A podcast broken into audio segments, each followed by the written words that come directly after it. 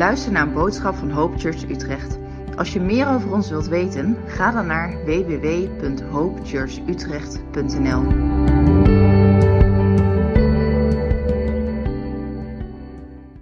Goed, nou, goedemorgen allemaal. Echt bijzonder om hier te mogen staan vanochtend en met jullie eh, samen de woord van God in mogen duiken. Echt, eh, ja, echt heel bijzonder voor mij. Als velen van jullie kennen, wij komen eigenlijk uit Amerika. Daar was ik meest van mijn leven opgevoed. En dus eh, Nederlands is wel mijn eerste taal, eh, maar niet mijn beste taal. Dus we zien wel. Even kijken, wachtwoord. Mooi, daar hebben we hem. Nou.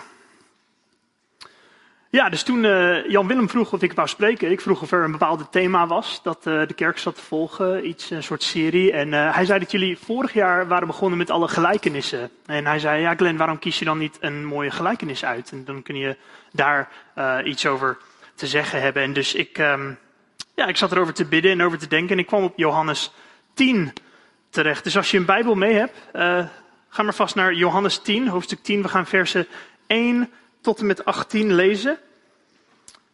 En dan gaan we beginnen. Dus. Hier is het woord van God. Johannes 10, vers 1. Waarachtig, ik verzeker u, wie de schaapskooi niet binnengaat door de deur, maar ergens anders naar binnen klimt, is een dief of een rover. Wie door de deur naar binnen gaat, is de herder van de schapen. Voor hem doet de bewaker open. De schapen luisteren naar zijn stem. Hij roept zijn eigen schapen bij hun naam en leidt ze naar buiten. Wanneer hij al zijn schapen naar buiten gebracht heeft, loopt hij voor ze uit en de schapen volgen hem, omdat ze zijn stem kennen. Iemand anders volgen ze niet. Ze lopen juist van hem weg, omdat ze de stem van een vreemde niet kennen. Jezus vertelde hun deze gelijkenis, maar ze begrepen niet wat hij bedoelde. Hij ging verder. Waarachtig, ik verzeker u, ik ben de deur voor de schapen. Wie voor mij kwamen, waren allemaal dieven en rovers. Maar de schapen hebben niet naar hen geluisterd. Ik ben de deur. Wanneer iemand door mij binnenkomt, zal hij gered worden. Hij zal in en uitlopen en hij zal weidegrond vinden. Een dief komt alleen om te roven, te slachten en te vernietigen.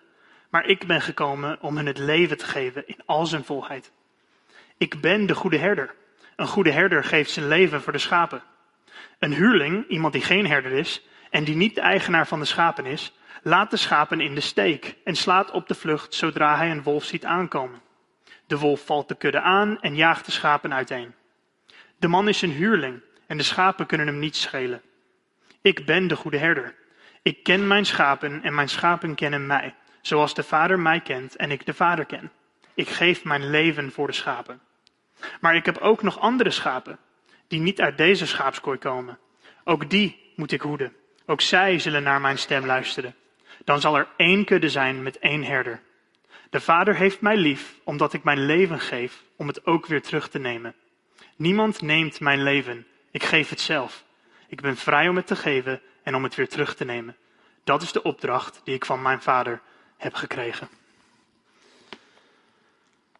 Nou, amen. Nou, om te beginnen met deze gelijkenis. Um, jullie merkten misschien dat in vers 6 zegt hij: Ik heb deze gelijkenis verteld, maar ze begrepen hem niet. we moeten vragen: van oké, wie is hen? Ze begrepen hem niet. Van, van wie is dat in het verhaal? Dus je moet eigenlijk een beetje achteruit naar hoofdstuk 9, waar we moeten beginnen vanochtend. Om te zien waar Jezus dit allemaal vandaan trekt. Dus in hoofdstuk 9 van Johannes zal ik een snelle overzicht geven van wat daar gebeurd is. Jezus is met zijn discipelen aan het lopen en ze komen een blinde man tegen. En de discipelen van Jezus die vragen, Heer, wie, is er, wie heeft er gezonden? Die man of zijn ouders dat hij blind geboren was? En Jezus zegt, nee, nee, hij is blind geboren zodat de werken van God in zijn leven mogen gezien worden. En dus Jezus maakt dan wat modder. Hij zet het op de ogen van die man. Hij zegt, ga wassen. En die man komt terug en hij kan zien. Dat is echt een, een wonder. Iedereen in de stad van wauw, moet je eens kijken, wat is er hier gebeurd? Hoe kan dit? Wie is dit Jezus? Nou, de fariseërs, die Jezus ook een beetje navolgen, dat zijn de, de Joodse leiders, de, de dominees zeg maar van de, de synagoge. zij zitten hem ook rond te volgen. En zij hebben meteen een probleem met iets wat Jezus heeft gedaan. Omdat hij heeft modder gemaakt op de Sabbat. De Sabbat was dan de zevende dag in de Joodse kalender. Daar hoor je geen werk te doen. En in hun regelslijstje was modder maken werk doen. Dus het was meteen van, hoe kan dit? Deze man kan niet van God zijn. Ik weet niet hoe hij dit heeft gedaan, maar hij kan niet van God zijn. Dus ze gaan een, een hele uh, zoektocht maken van oké, we gaan dus uitzoeken wat, wat er hier aan de hand is. Dus ze roepen de voormalige blinde man binnen. En ze, ze hebben hem bij de synagoge. En dan vragen ze, um, oké, hoe is dit gebeurd? Was jij echt blind? Hij zegt ja. Ze zeggen, oké, nou je ouders even bijtrekken. Is dit je zoon? Ja. Was hij echt blind geboren? Ja. Nou, zijn ouders weer weg. En ze hem vragen van, van, wat denk je zelf over wat er gebeurd is? En deze man geeft alle eer aan God. En hij wondert zelf hoe die fariseërs niet Jezus kunnen erkennen als van God gekomen zijn. En dus hij vraagt ze ook, willen jullie zijn discipelen worden? Ik, ik ben op zoek naar hem, ik, ik wil hem volgen en jullie ook dan. Nou, daar werden ze heel boos mee en ze wierpen hem uit de synagoge. Zo de deur uit. Nou, nadat dit gebeurt, Jezus zoekt die man weer op. En hij vraagt hem, hij zegt, wil je in de Zoon van God geloven? En die man zegt, ja, wie is die? Zodat ik in hem mag geloven. Waar is die? En Jezus zegt, ja, ik ben het. En dus die man begint hem te aanbidden. Nou, er stonden een paar fariseërs daar ook vlakbij en ze hoorden de gesprek. En Jezus zei bij het eind van die gesprek, hij zei, ik ben gekomen zodat de blinden kunnen zien en dat zij die zien blind worden. En die fariseërs zeggen tegen hem een beetje sarcastisch van, zijn wij ook blind dan? En Jezus draait om en hij zegt, als je zei dat je blind was, zou je geen zonde hebben. Maar omdat je zegt dat je kan zien, blijft je zonde achter. En dan begint hij in hoofdstuk 10, wat we net hebben gelezen, met deze gelijkenis. Dus in hoofdstuk 10, we gaan meteen beginnen met de betekenis van deze tekst. Jezus zit zijn identiteit te verklaren aan de fariseeën. Zijn discipelen zijn er ook, maar zijn, zijn publiek recht is dan de fariseërs. Dus hij spreekt op een bepaalde manier dat hun zal raken met de waarheid van zijn woorden. En dus hij maakt het duidelijk wie hij is. Hij praat tegen de fariseërs als degene die hem eigenlijk als allereerste hadden moeten herkennen. Omdat als je iets weet over de fariseërs, ze zijn heel geleerd in de schriften van het Oude Testament. Ze hebben alle boeken onderzocht. Ze hebben het letterlijk uit hun hoofd, kunnen ze het, kunnen ze het voorlezen. En Jezus, niet voor de eerste keer, probeert hen te laten zien wie hij is. Het is eigenlijk als je een paar hoofdstukken verder achter naar gaat. Dan zie je in uh, Johannes 5, in vers 39 tot 40, zegt Jezus tegen de Fariseërs: U onderzoekt de schriften, want u denkt daardoor eeuwig leven te hebben. Hij betekent dan de wet. Ze onderzoeken steeds de wet. Maar dan zegt hij, en die zijn het die van mij getuigen. En toch wilt u niet tot mij komen opdat u leven heeft. Dus het is niet de eerste keer dat Jezus een soort interactie heeft met, met deze fariseërs. Maar hij probeert het steeds keer na keer na keer duidelijk te maken voor ze van, ik sta direct voor je. En jullie hebben geen idee wie ik ben. Dus, in deze verse laat Jezus duidelijk zien dat hij de Messias is, de Zoon van God, die alle schriften in het Oude Testament vervult. En dat doet hij weer door de taal van de goede herder te gebruiken in deze gelijkenis. En weer, dat doet Jezus expres om de fariseërs een beetje te helpen van oké, je moet een beetje bijbenen van dit is wie ik ben. Dus de taal van herder was heel bekend in Israël, omdat als iemand die uh, Israëlitisch was de woord herder hoort, dan denken ze meteen aan één persoon. Die persoon is David. David was de herderjongen die de koning geworden was, de grootste koning ooit over de Israëlieten. En het meest belangrijk wat in de schriften opgeschreven stond, was dat hij, iemand van zijn um, afstamming, zou de Messias zijn, zou echt een, de, de herderkoning worden. En dus dat moesten ze een beetje erkennen, die, die herdertaal. Dus we zien dat David al een beetje de herderkoning was. Dat zien we in 2 Samuel. En eerlijk gezegd, de Fariseërs hoorden ook herders te zijn. Dat zien we ook in het Oude Testament. De leiders van het Israëlitische volk hoorden herders te zijn. Maar dat deden ze niet zo goed. Omdat ze zorgden niet meer voor de schapen, voor hun mensen, maar ze wouden alleen voor hunzelf zorgen. Ze wijsden de mensen niet meer naar God, maar ze hebben ze gewoon naar de wet gewezen van, hé, hey, al deze regels volgen. Dat kon niemand. Dus we zien het ook verder. Jesaja hoofdstuk 40, Misha hoofdstuk 5. Het Oude Testament spreekt vaker weer van die herderkoning die zou komen na David. En dat die herderkoning de Messias zou zijn. Dus het is geen ongeluk dat Jezus deze taal gebruikt om aan de fariseeën uit te leggen wie hij is. Dus laten we eens gaan zien over deze gelijkenis en precies wat het is dat, dat Jezus zegt. Dus we zien meteen, we hebben een paar karakters. We hebben schapen, dieven, rovers, deuren, herders. Van, oké, wat gebeurt hier allemaal?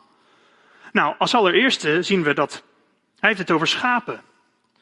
Heel vaak als de Bijbel het over schapen heeft, betekent dat ons allemaal. Wij zijn schapen. En in mijn voorbereiding voor deze preek, ik kreeg een, uh, een hele mooi boekje van Elisabeth, mijn vrouw. Ze zei, dit moet je lezen, dit zal je echt helpen. En het boek in Engels heet A Shepherd Reads Psalm 23. En dus een interessante auteur, omdat hij is zelf dominee geweest in Amerika, maar voor die tijd was hij een schapenherder. En dus de taal van Psalm 23, dat kent hij door de ogen van zelf een herder te zijn. En hij zegt, ja, dat zijn wij in de maatschappij een beetje kwijt nu, omdat sommige mensen zijn nog boeren, herders, maar veel van ons niet. En dus hij begint een beetje uit te leggen waarom wij schapen zijn in de Bijbel en waarom dat eigenlijk een hele goede vergelijkenis is. Dus er zijn een heleboel dingen over schapen, maar een paar dingen, zeker. Uh, schapen zijn hulpeloos. Ze zijn echt hulpeloos. Andere dieren, je hebt koeien tenminste, oké, die zijn groot. Sommige van ze hebben horens. Paarden zijn snel, ook een stuk groter. Zij schapen, ze hebben niks. En wat het erger maakt, is dat ze zijn koppig en een beetje dom. En dus hij zat te praten over hoe, ja, hoe langer ik herder was. En ik zat ook mijn Bijbel te lezen van, wauw. Ja, zo doen wij als mensen eigenlijk heel vaak. We zijn net schapen. En dus de schapen zijn echt hulpeloos zonder de herder. En schapen begrijpen veel van wat de herder doet helemaal niet. Hij zegt soms is het heel vermoeiend om een schapenherder te zijn, omdat je zit te denken van dit is nou goed voor je, kom eens mee en ze gaan allemaal de andere kant op. En dan ben je uren bezig met jullie moeten van hier naar hier. En dat lijkt heel makkelijk. Hij zegt nee, niet met schapen. Niet met schapen. Maar iets dat ze wel heel goed kunnen doen, is ze kunnen iets herkennen dat ze nooit zullen vergeten. En dat is de stem van hun herder. Dus hij gaf het voorbeeld van, ja oké, ik gebruik bepaalde woorden die ik gebruik om mijn schapen te roepen. Maar ze zullen niet zomaar komen als iemand anders die woorden gebruikt. Omdat de woorden begrijpen ze eigenlijk niet. Het is de stem. De stem van de herder horen ze en dan denken ze, oh ja, dat is bekend, dat is veilig. Dus ja, we hebben het over schapen. Dan Jezus zegt ook, ik ben de deur, ik ben de herder, daar komen we zo meteen. Maar we hebben ook in deze eerste onderdeel van de tekst, een soort drie onderdelen. De eerste is van vers 1 tot en met 6. Zie je ook dieven en roveren. En daar heeft Jezus ook over een heel bepaald iemand. In de jaren voordat hij kwam waren er velen die kwamen naar de, de Israëlitische mensen en die zeiden, ja, ik ben de Messias. Kom, we gaan in opstand tegen de Romeinen. Iedereen, pak je zwaard, pak een stok, pak iets of anders en we gaan erop af. En 1, 2, 3, 4, minste dat we zien in de tekst in de Bijbel, van ja, dat, dat ging gewoon niet goed. Er waren een paar duizend mensen die meegingen. En ja, er kwam niks van. Dat was niet de echte Messias. Maar Jezus heeft dan ook een beetje van een, een dubbele gelijkenis daar voor de Fariseërs. Dieven, roveren. Jullie zijn niet hier voor overvloedig leven, voor die schapen, maar voor jezelf. En dus in de eerste zes versen zien we dat Jezus is een volk, een kudde te verzamelen. Dus we lezen dat de echte herder heeft toegang naar de schapen. Nou, oké, dus het zegt in de eerste paar versen: Wie door de deur naar binnen gaat, is de herder van de schapen. Voor hem doet de bewaker open. De schapen luisteren naar zijn stem. Hij roept zijn eigen schapen bij hun naam en leidt ze naar buiten. Dus er zijn twee dingen die we zien dat de echte herder toegang heeft voor, voor die twee redenen. De eerste, de bewaker geeft hem toegang. Dus dit is belangrijk, omdat alle schapen in die tijd zouden dan door de nacht of, of waar ze niet in de weilanden zijn, in een soort hokje blijven. En dan heb je soms een bewaker. Gewoon, het is ja, heel vaak die tiener van je hebt je kamer niet opgeruimd, jij slaapt buiten met de schapen vanavond. Jij bent de bewaker van, oei, oké. Maar dit is belangrijk dat Jezus dit zegt, omdat de bewaker die hem toegang geeft, hij zegt dan, min of meer naar de fariseeën, ik ben erkend door God. Hij is de bewaker van alle schapen, omdat hij schiep alle schapen. En dus ik heb toegang voor die reden. De tweede reden, en dat dat bewijst van die eerste, is dat de schapen herkennen zijn stem. En dat bewijst ook dat hij echt de herder is in vers 3 en 4. De schapen komen met hem naar buiten, ze volgen hem. Dus dit is ook interessant, hè, omdat de schepping erkent zijn schepper. Interessant hoe Jezus dit zegt. En allen die niet door de deur komen, zegt hij dan, zijn dieven en rovers, niet geïnteresseerd in het welzijn van de schapen. Niet geïnteresseerd dat ze overvloedig leven hebben, maar alleen in hunzelf geïnteresseerd. Valse messiassen, de fariseërs. En we zien ook, niet alle schapen komen naar buiten. Hij zegt, al mijn schapen komen met me mee. Ik ken mijn schapen en mijn schapen kennen mij. Dus de kudde van Jezus herkent zijn stem en volgt alleen maar hem. Nou, dit is belangrijk omdat wat we net hebben gezien in hoofdstuk 9, dat komt eigenlijk ook hier weer tevoorschijn. Jezus geeft deze voorbeeld omdat van de beleidenis van geloof die de voormalige blinde man in hem heeft gesproken. In Johannes 9. Geloof je in de Zoon van God? Ja, wie is hij? Zodat ik in hem mag geloven. Die man was op zoek. Hij was op zoek naar de Messias. Hij was op zoek naar Jezus. Hij geeft het ook als antwoord aan de Fariseërs, die de blinde man die geneest was, uit de synagoge hebben gezet, omdat hij, Jezus omdat hij Jezus erkent dat hij van God kwam. Ze zeggen dat die man geheel in zonde was geboren. Dat zeggen ze aan hem terwijl ze hem de deur uitgooien. En jij wil ons onderwijzen?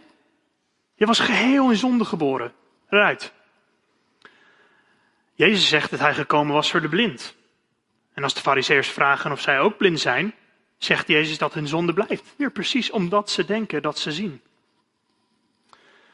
Ik denk wat we vaak vergeten, omdat we nu allemaal uh, ja, bijvoorbeeld ons Bijbel kunnen lezen en op het internet allerlei dingen kunnen uitzoeken. De, de fariseërs waren echt de crème de la crème. De slimste, beste. Ja, ze, ze hadden het moeten weten. Ze hadden Jezus moeten erkennen van het moment dat ze hem tegenkwamen. Dit waren de meest geleerde mannen in de schriften die alle profeties, alle geschiedenis kenden en toch waren ze niet op zoek naar de beloofde Messias. Je kan het eigenlijk een beetje zien als de, um, de drie magi komen van het oosten. En ze komen naar de koning. Waar is de nieuwe koning geboren? Hij heeft geen idee waar ze het over hebben. Hij zegt, ik ben de koning. Nee, nee, nee, de, de koning de Joden. Die koning. Nou, en hij vraagt de fariseeën bij hem komen. Hé, hey, waar zegt het dat hij geboren moet zijn? Uh, Bethlehem. Heb je wat anders nodig? Ga terug. Hè? Ze weten het zelfs. Van ja, het zegt in de schriften, hij hoort in Bethlehem geboren te zijn. Is dat alles? Kan ze helemaal niks schelen. Ze waren niet op zoek naar de beloofde Messias. Ze waren op zoek naar een Messias die zij zelf wouden creëren. Dat zie je weer als een thema door het Nieuwe Testament. Als wij zien hoe de fariseërs met elkaar praten over Jezus. Nee, nee, nee. Hij zal ervoor zorgen dat onze macht gaat verdwijnen. Hij zal ervoor zorgen dat de Romeinen ons land wegnemen. Hij zal hier of daarvoor zorgen en dus wij, wij willen hem niet. Dus Jezus probeert uitleg te geven met een korte gelijkenis en ze begrepen hem alweer niet. En dus hij begint het stukje voor stukje uit te leggen. Dus we zien ja daar bij het eind. Vers 6. Jezus vertelde hun deze gelijkenis, maar ze begrepen niet wat hij bedoelde. Dus hij gaat verder. Oké, een beetje inzoomen, zeg maar. We gaan beginnen met de deur. Hij zegt, hij ging verder, waarachtig, ik verzeker u, ik ben de deur voor de schapen. Wat Jezus daarbij zegt is dat hij is de enige manier waardoor de schapen leven vinden. Ingang tot de volk van God en zijn aanwezigheid. Overvloedig leven. Dus het leven van schapen in die tijd was eigenlijk wel dagelijks geregeld door die deur. De deur naar de schapenkooi of de schapenhok.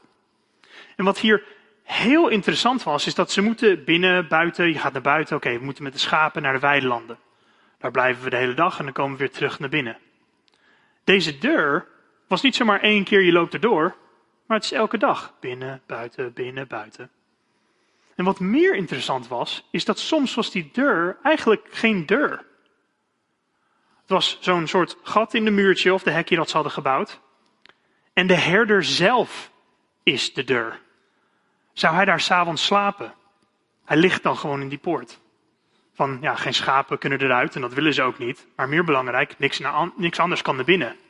Want ik lig hier te slapen. Ik lig hier als de deur zelf. Nou, dat zal hopelijk bekend voor voor ons allemaal komen wat Jezus straks zegt in Johannes hoofdstuk 14. Ik ben de weg, de waarheid en het leven. Niemand komt naar de Vader behalve door mij. Hij zegt, jongens, ik, ik ben de deur.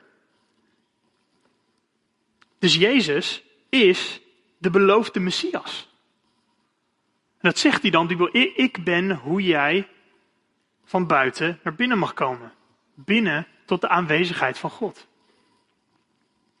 Nou, hij geeft antwoord, zo'n antwoord, eigenlijk ook direct op de uitzetting van de geneeste man van de synagoge.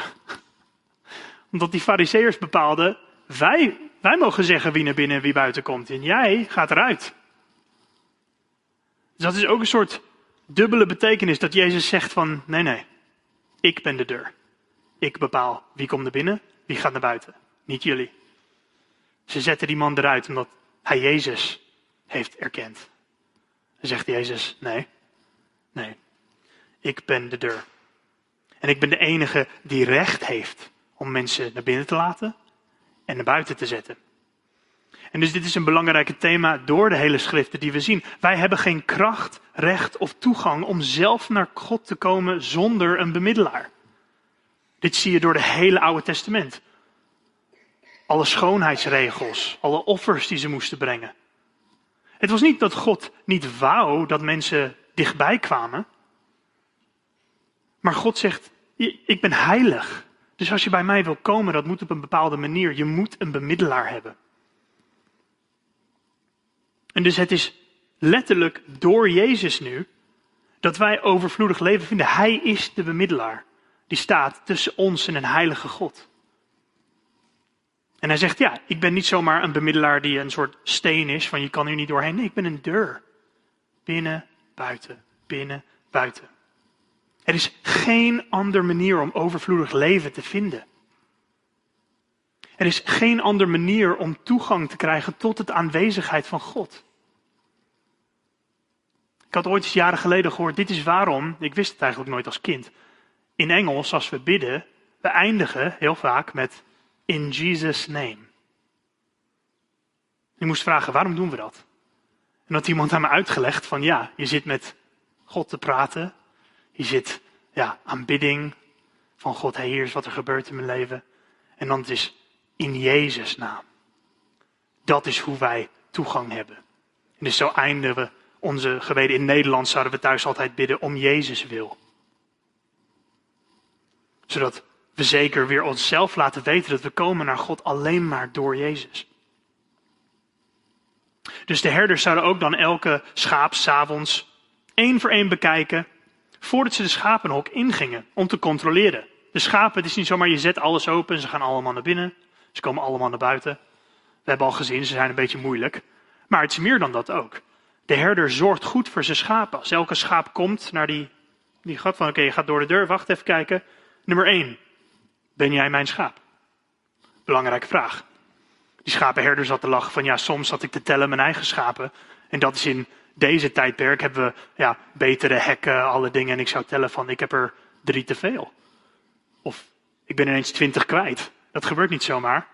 En dan vraag ik de buurman van oh ja, ik denk dat ze bij mij zitten. Want Jezus, hij controleert, zijn dit mijn schapen?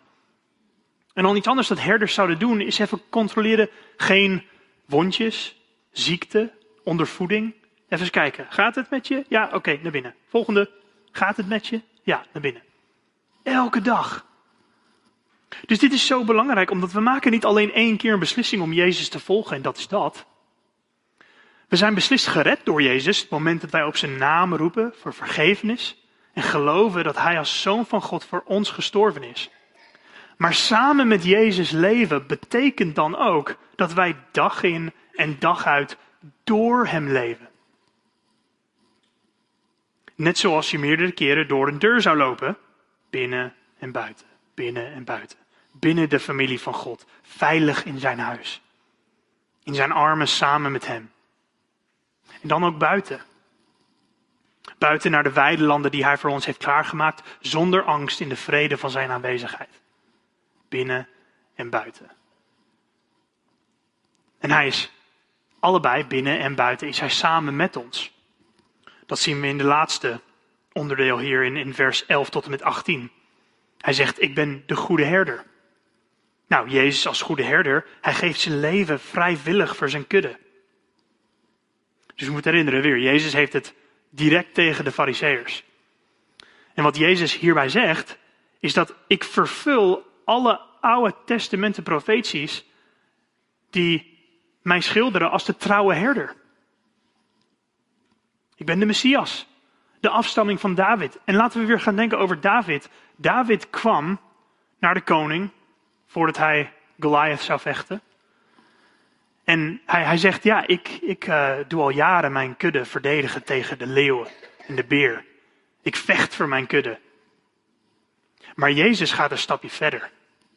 Hij zegt, ik vecht niet alleen voor mijn kudde. Ik leg mijn leven neer. Dus hij laat zelf daar zien van, joh, ik ben, ik ben de volgende stap na David. Ik ben de vervulling van deze profeties. Dus hij zou, David zou zijn leven riskeren voor zijn schapen, maar Jezus heeft voor zijn schapen gestorven. Dus de liefde van Jezus is dan openbaar door zijn acties.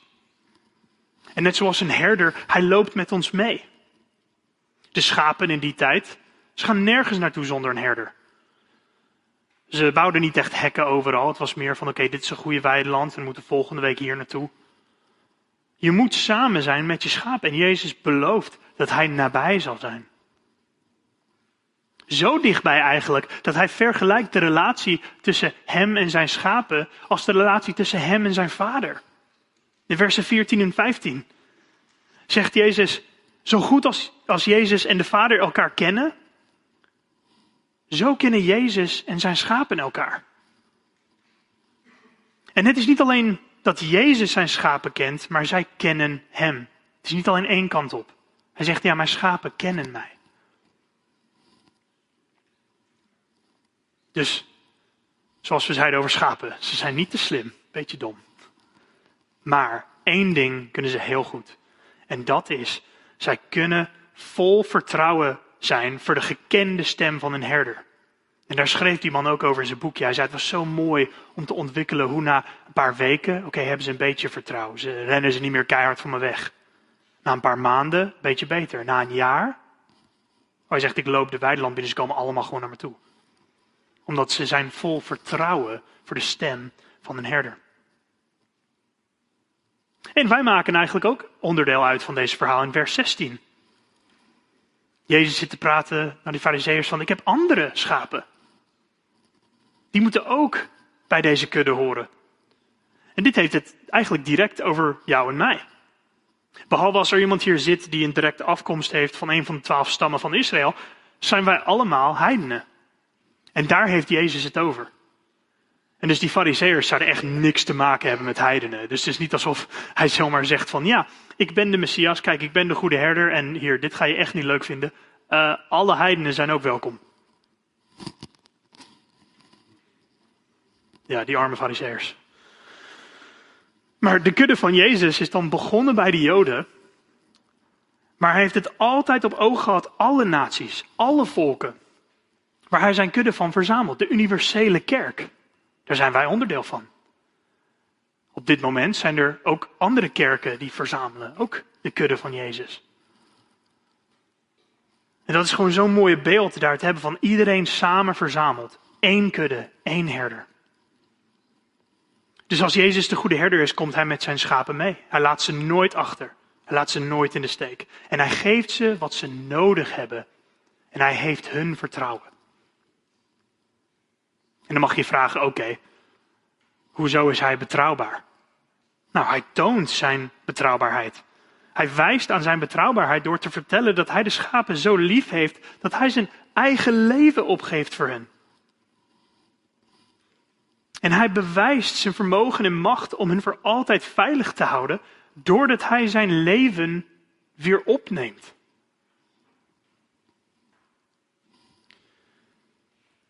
Dus we moeten dat even misschien een beetje laten inzinken, wat hij zegt in vers 18. Omdat het is een beetje gek. Alle gekke dingen waar ik vaak mensen hoor praten van, oh, Jezus dit en Jezus dat.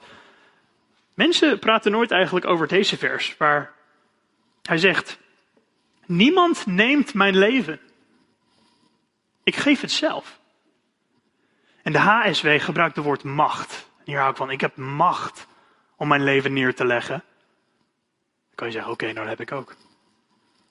Maar dan, ik heb macht om het weer op te nemen.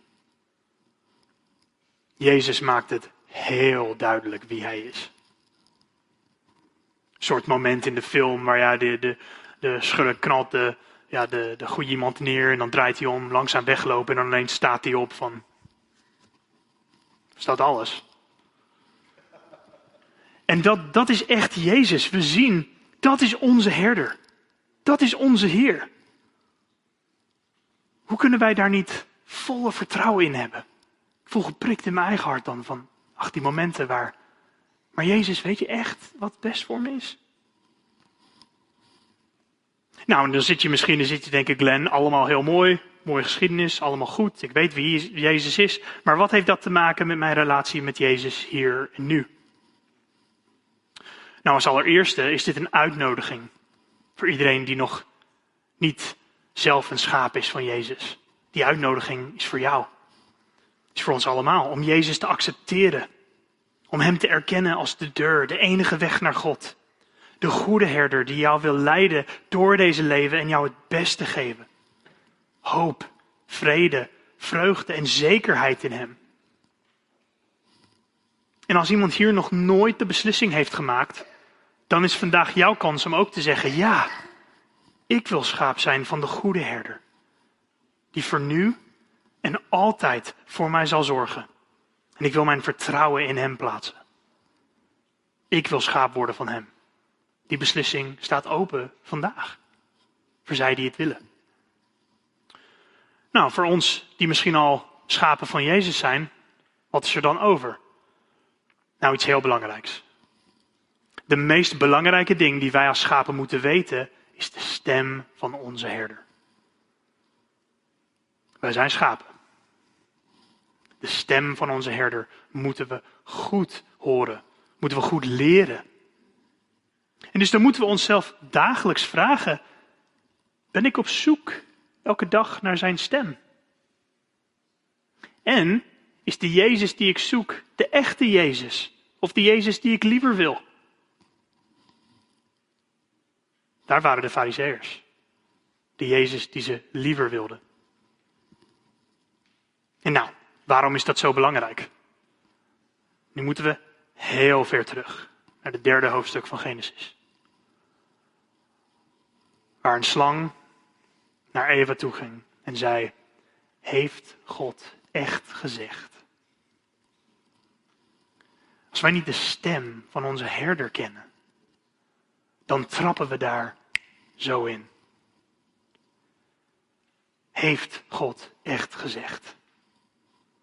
Hier zien we voorbeeld van, van Jezus zelf. In de woestijn kwam die slang weer. En hoe geeft Jezus antwoord? Drie keer geeft hij antwoord. Wanneer? We moeten de stem van onze herder leren kennen door zijn woord. De Bijbel is onze bron van de kennis van Jezus. De Fariseërs hadden een eigen Messias gebouwd, die niet de echte Jezus was. Ze wouden iemand die de Romeinen eruit ging trappen. Ze wouden iemand die een militaire leider zou worden. En gewoon van ja, we gaan dezelfde grenzen bouwen als David had en we willen ons land terug. En ja, dat is de Messias die we willen. Als je, als je daar niks te maken mee hebt, dan hoppel op, zeiden ze. Maar we moeten onszelf ook dagelijks vragen als we op zoek zijn naar de enige echte Jezus. En zijn stem leren kennen, zodat als we met anderen te praten zijn. Ik vind het altijd moeilijk, maar ik heb in Amerika zoveel gesprekken gehad met mensen waar ze zeggen: Ja, ik ben ook volger van Jezus. Oh, fantastisch. En dan beginnen we te praten over Jezus. En dan helaas in sommige van die gesprekken, hoe langer ze praten, zit ik een beetje te denken: Die Jezus ken ik niet. Wil ik even mijn Bijbel openzetten? Van, dat is mijn Jezus niet. Dat is taal die wij vaak gebruiken, hè? Mijn Jezus. Alsof het persoonlijk is en die van jou is wat anders. Maar onze herder is één herder. We zijn één kudde met één herder. Dus Jezus is de goede herder die ons leidt dag na dag en genoeg van ons houdt om het moeilijk en soms rommelige werk te doen in ons, zodat wij overvloedig leven kunnen hebben. In die boek over Psalm 23, die man schrijft over schapen scheren. En hij zegt, iedereen weet dat ze veel beter voelen na dat ze al die wol kwijt zijn. Hij zegt, maar ik had zelf nooit meegemaakt hoe lastig dat proces is. Die tijd van het jaar, ze vertrouwen je misschien, maar ze zien je aankomen en zeggen nee dank je. En ja, je moet ze op hun rug liggen en ze trappen en geluid en hou op. En je zegt van nee, dit is goed voor je. Hou op, hou op. Nou, rennen ze weer weg. Ah, nou, nu voel ik me beter. En dan zegt hij, ja, het is de meest dankloze taak.